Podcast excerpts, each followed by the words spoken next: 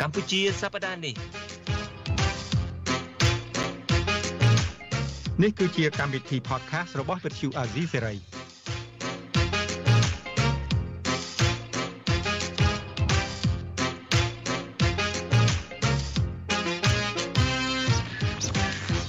បាទខ្ញុំបាទយ៉ងច័ន្ទតារាសូមជម្រាបសួរលោកអ្នកនាងអ្នកស្ដាប់វិទ្យុអាស៊ីសេរីទាំងអស់ជាទីមេត្រីនៅក្នុងកម្មវិធី podcast កម្ពុជាសប្តាហ៍នេះខ្ញុំបាទសូមជម្រាបសួរបងសេបដិតផងបាទបាទហើយក៏សូមជម្រាបសួរលោកអ្នកនាងដែលកំពុងតាមដានស្ដាប់និងទស្សនាការផ្សាយរបស់វិទ្យុអាស៊ីសេរីនៅក្នុងកម្មវិធីកម្ពុជាសប្តាហ៍នេះផងដែរបាទឥឡូវនេះយើងមានភ្ញៀវមួយរូបចូលរួមជាមួយយើងដែរនៅក្នុងកម្មវិធី podcast កម្ពុជាសប្តាហ៍នេះគឺអ្នកនាងលឹមគឹមសហៅជីជីពួកខ្ញុំទាំងពីរសូមជម្រាបសួរជីជីបាទ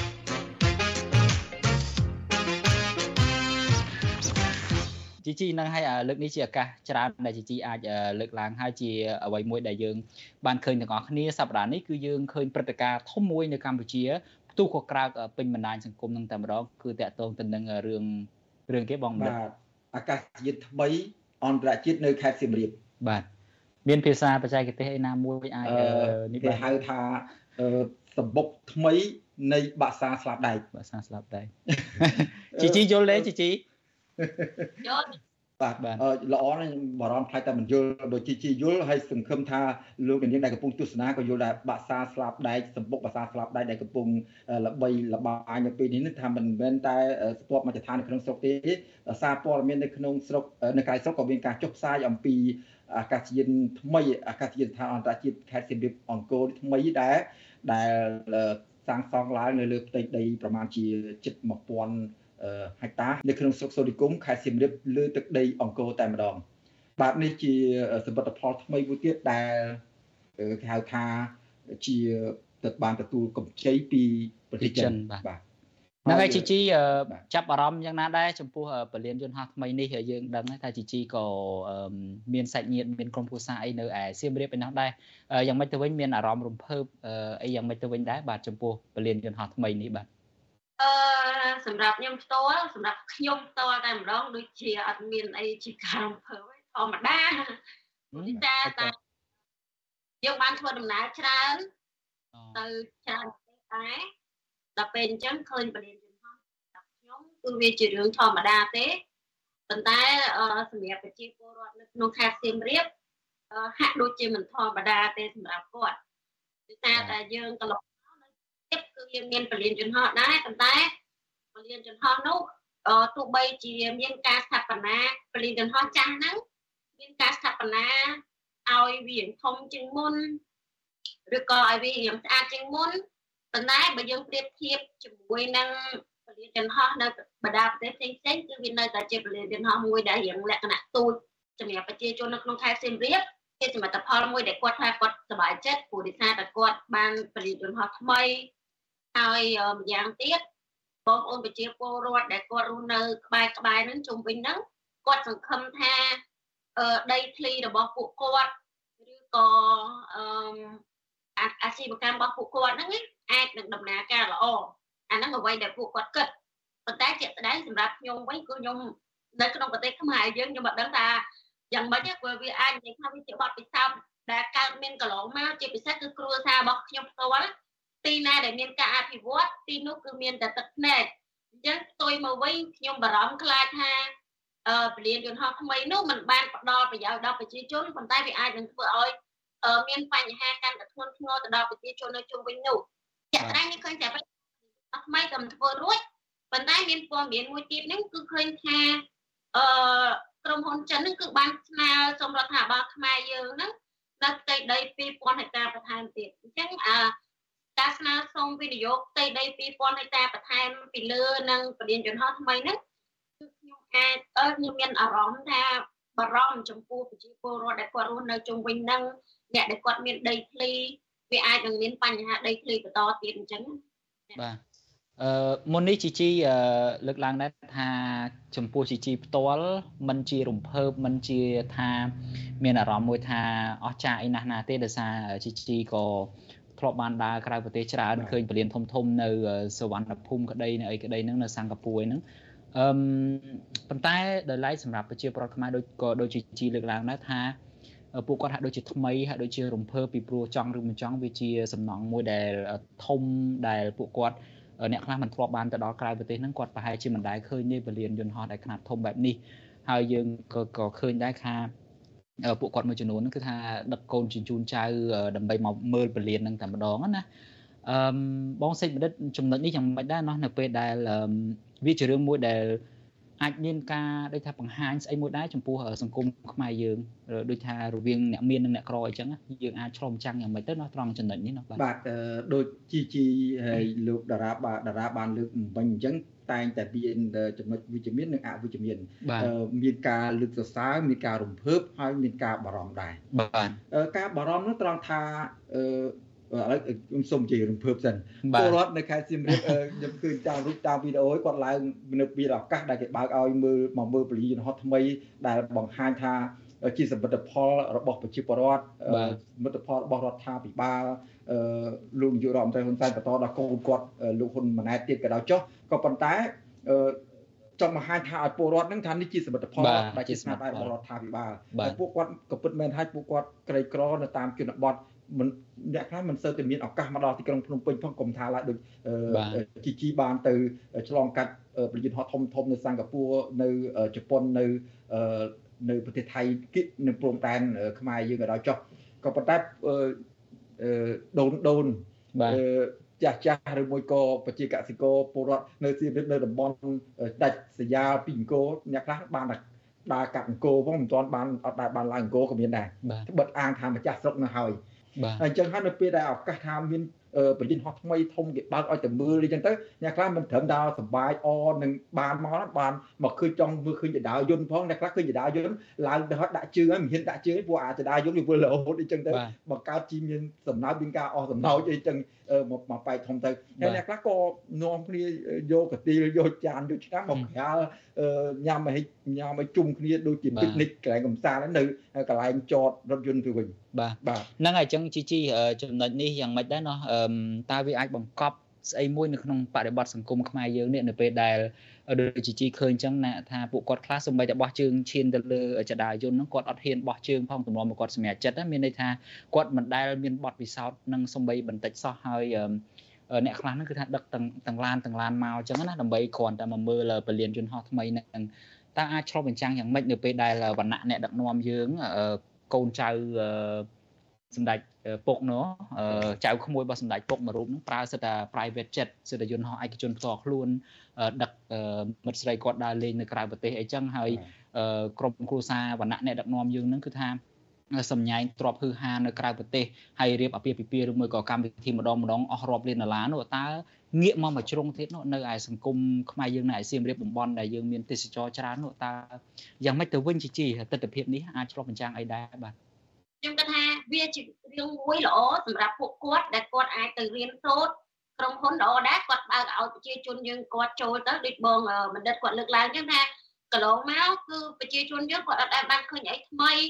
អញ្ចឹងគឺគាត់បានទៅលេងគាត់បានទៅសិក្សាវាជារឿងល្អមួយ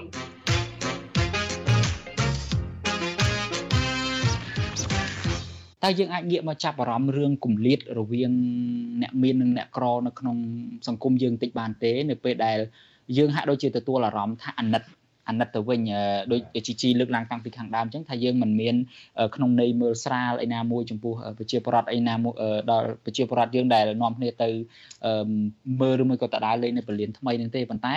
យើងហាក់ដូចជាទទួលអារម្មណ៍មួយពេលខ្លះដូចជាមានអារម្មណ៍ថា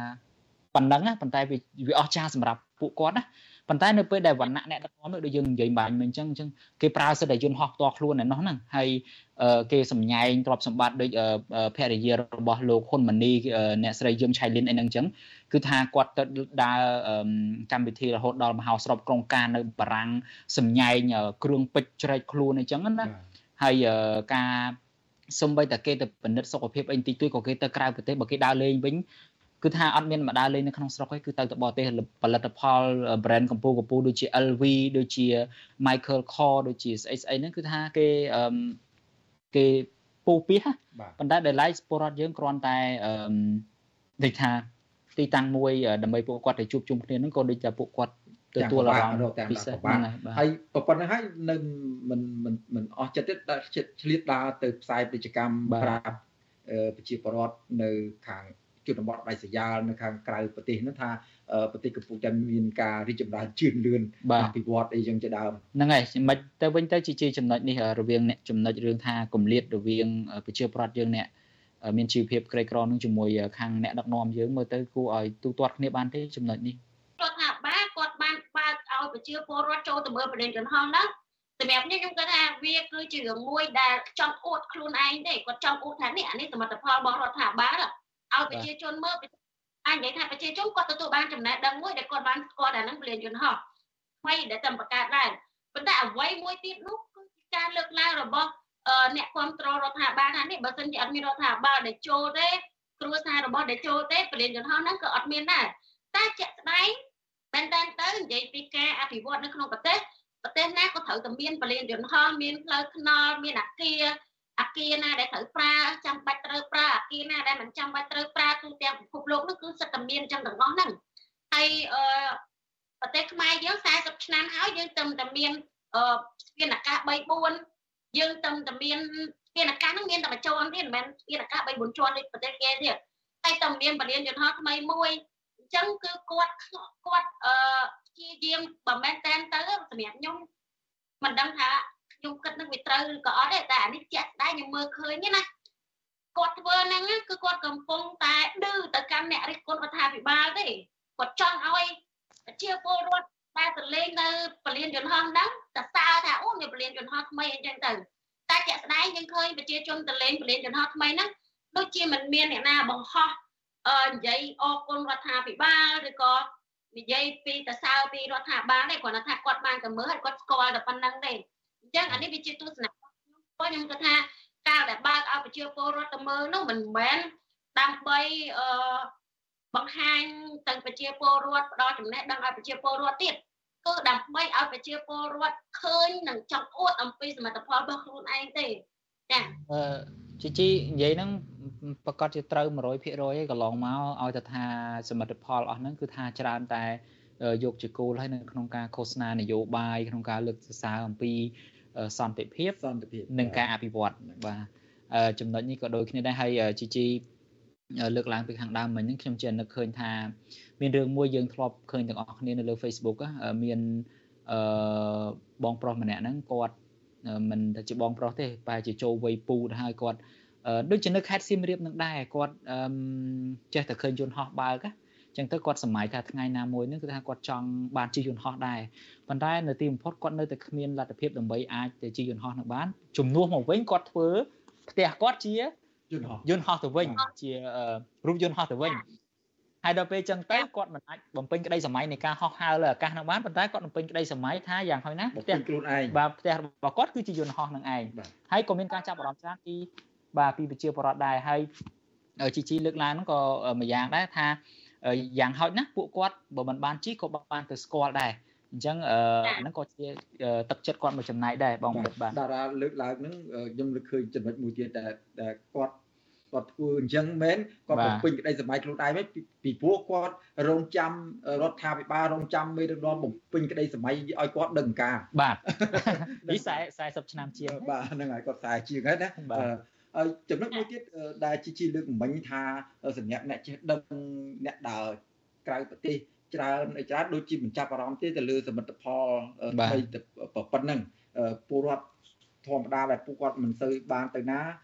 នៅតែនៅតែក្នុងស្រុកហ្នឹងបាទគាត់អាចសប្បាយអមែនហើយពីព្រោះទឹកដីរបស់គាត់បានអ្វីថ្មីទៅប៉ុណ្ណឹងបាទប៉ុន្តែអ្នកដែលបានសិក្សា អំពីចរន្តសេដ្ឋកិច្ចចរន្តអំពីការអភិវឌ្ឍប្រទេសជាតិក្នុងរយៈពេល10ឆ្នាំ20ឆ្នាំ40ឆ្នាំបើឲ្យប្រៀបធៀបទៅនឹងប្រទេសជិតខាងប្រទេសទៀតយើងហ្នឹងមិនបាច់ទៅប្រៀបឆ្ងាយណាប្រទេសជិតខាងពួកគាត់មិនត្រឹមតែធម្មតាទេបើតាមខ្ញុំដឹងពួកគាត់ភ័យទៅវិញដឹងភ័យយ៉ាងម៉េចទៅយ៉ាងម៉េចទៅបងមិនភ័យត្រង់ថាអឺយើងគាត់ឃើញគំរូប្រទេសឡាវប្រទេសឡាវគាត់បានទទួលនៅខ្សែរថភ្លើងលឿនលឿនមួយល្អស្អាត មានការចាប់អារម្មណ៍ក៏ប៉ុន្តែទីបំផុតប្រជាពលរដ្ឋឡាវកាន់តែលក្ខណៈក្រីក្រទៅក្រីក្រទៅហើយគេនិយាយថាប្រជាជនឡាវនោះជំពាក់បំណុលចិនវ៉ាន់កហើយងាកមកពលានយន្តហោះថ្មីនៅក្នុងខេត្តសៀមរាបរបស់កម្ពុជានេះក៏របៀបមើលទៅរបៀបទម្រង់ដូចគ្នាចឹងដែរជីជីដោយសារតែការសាងសង់ពលានយន្តហោះថ្មីនេះបើសិនជាលុយចេញពីកប៉ៅផ្ទាល់របស់រដ្ឋាភិបាល នោះជាមោទនភាពមួយក៏ប៉ុន្តែបើការឲ្យដឹងមកថាលុយដែលសាងសង់ពលានយន្តហោះនេះគឺកម្ចីរបស់ប្រទេសចិនទាំងស្រុងនៅក្នុងគម្រោង ខ្សែក្រវ៉ាត់និងផ្លូវផ្លូវមួយរបស់បាទចិនបាទច្បាស់ណាស់ចំណុចនេះគឺពលានយន្តហោះថ្មីនេះគឺជាផ្នែកមួយនៃគម្រោង BRI របស់ចិនទេគឺ Belt and Road Initiative នឹងឯងដែលជាគម្រោងគេហៅថាមហិច្ឆតាប្រចាំសតវត្សរបស់ចិនទេហើយបងបណ្ឌិតលើកឡើងហ្នឹងក៏ម្យ៉ាងដែរថានៅឡាវហ្នឹងមានខ្សែរថភ្លើងថ្មីមួយខ្សែនៅឡាវគេបានរថភ្លើងមួយខ្សែនៅខ្មែរយើងបានពលានយន្តហោះថ្មីមួយបាទហ្នឹងហើយជីជីចំណុចនេះវិញ តើយើងគួររដ្ឋាភិបាលគួរត្រឹមតែប៉ុណ្ណឹងទេត្រឹមតែមានពលានយន្តហោះមួយនៅប៉ុណ្ណឹងទេឬមួយក៏គួរតែធ្វើមិនវិញដើម្បីឲ្យប្រជាពលរដ្ឋនឹងមានលទ្ធភាពជិះយន្តហោះបានវិញជីជីធ្លាប់ចេញចូលស្រុកថៃដឹងហើយណាការជិះយន្តហោះនៅប្រទេសថៃរឿងសាមញ្ញទេជិះយន្តហោះក្នុងស្រុកបាទដូចជាឡានក្រុងអញ្ចឹងតើប្រជាពលរដ្ឋយើងអាចខិតទៅដល់ចំណុចនេះបានទេមើលទៅថ្ងៃមុខជីជីបាទអ្វីដែលប្រជាពលរដ្ឋចង់បានណា ផ្លូវថ្នល់រាល់ថ្ងៃយើងឃើញថាផ្លូវថ្នល់មានតែអត់ស្អាតផងហ្នឹងផ្លូវថ្នល់ធ្វើដំណើរអត់កើតផងហ្នឹងហើយអាគារខ្ពស់ខ្ពស់ក៏ធំធំហ្នឹងខ្ញុំគិតថាវាមិនមែនជាតម្រូវការរបស់ប្រជាពលរដ្ឋទេអ្វីដែលជាតម្រូវការរបស់ប្រជាពលរដ្ឋហ្នឹងគឺការប្រកបអាជីវកម្មបែបលក្ខណៈទេសចរហើយនឹងឧស្សាហកម្មឬក៏កសិកម្មដែលការវិនិយោគហ្នឹងគឺគឺចង់ឲ្យមានការវិនិយោគពីអ្នកមាននៅក្នុងស្រុកអត់ចង់ឲ្យរដ្ឋាភិបាលហ្នឹងខ្ចីលុយគេទេចង់ឲ្យគាត់យកលុយដែល គ្នានឹងយកមកវិនិយោគគឺបែបហ្នឹងហើយដូចបរិញ្ញាយន្តហោះការពិតបើជាក់ស្ដែងបរិញ្ញាយន្តហោះប៉ុណ្ណឹងមិនបាច់ចាំបាច់យកលុយចិនឬក៏ខ្ចីលុយចិនទេបើយើងប្រមូលលុយដែលរដ្ឋាភិបាលតែងតែអួតថាអូយើងចំណេញទីទេសចរប៉ុណ្នេះប៉ុណ្នេះប៉ុណ្នេះយកមកធ្វើគឺវាបានហើយប៉ុន្តែអានេះគិតតែប្រយោជន៍ខ្លួនឯងឬក៏អាចនិយាយបានថាគាត់ជួលអីទេគាត់បានលុយតែបើសិនជាគាត់យកអាលុយពីរដ្ឋាភិបាលរបស់យើងនឹងយកទៅសាងសង់គឺគាត់អស់លុយហើយគាត់ចង់បានអ្វីដែលលឿន គាត់អត់ចង់បានអីដែលថាឥឡូវធ្វើប្រលេងយន្តហោះហ្នឹង5ឆ្នាំ20ឆ្នាំក្រោយគាត់បានទទួលលុយចំណេញត្រឡប់មកវិញគឺគាត់អត់គិតអាកន្លែងហ្នឹងទេគាត់គាត់ថាអឺលោកឲ្យចិនពេលហ្នឹងគឺគាត់ចំណេញពេលហ្នឹងឯងដាក់កប៉ាល់គាត់ពេលហ្នឹងហ្នឹងអញ្ចឹងបានន័យថាគាត់អត់មានបានគិតពីប្រជាជនទេ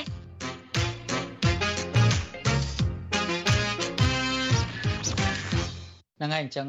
អ្វីដែលជីជីមានប្រសាសន៍នេះគឺថាជាសរុបរួមមកវិញហើយបងបណ្ឌិតអ្វីមួយដែលប្រជាពលរដ្ឋត្រូវការនោះមិនមែនត្រូវការត្រឹមតែពលានយន្តហោះនឹងទេគឺថាគាត់ត្រូវការការងារគាត់ត្រូវការការអភិវឌ្ឍលើគ្រប់ផ្នែកទាំងអស់ហេដ្ឋារចនាសម្ព័ន្ធឯនឹងជាពិសេសបញ្ហាដោះស្រាយរឿងការ ដូចថាឧស្សាហកម្មកសិកម្មជារួមគឺបញ្ហាដែលកំពុងកើតមាននឹងឯងដូច្នេះការជជែកយើងមកដល់ត្រឹមនេះក៏ឈានចូលមកដល់ទីបញ្ចប់ហើយដែរខ្ញុំបាទយ៉ងច័ន្ទតារាហើយខ្ញុំបាទសេចបណ្ឌិតបាទបាទពួកយើងទាំងពីរនាក់សូមអរគុណលោកនាងដែលតាមដានកម្មវិធីយើងមកដល់ពេលនេះហើយក៏សូមអរគុណដល់ជីជីដែរដែលបានចំណាយពេលវេលាតាំងពីព្រឹកចូលរួមជាមួយយើងនៅពេលនេះហើយពួកខ្ញុំទាំងពីរនាក់សូមអរគុណនិងសូមជម្រាបលាបាទ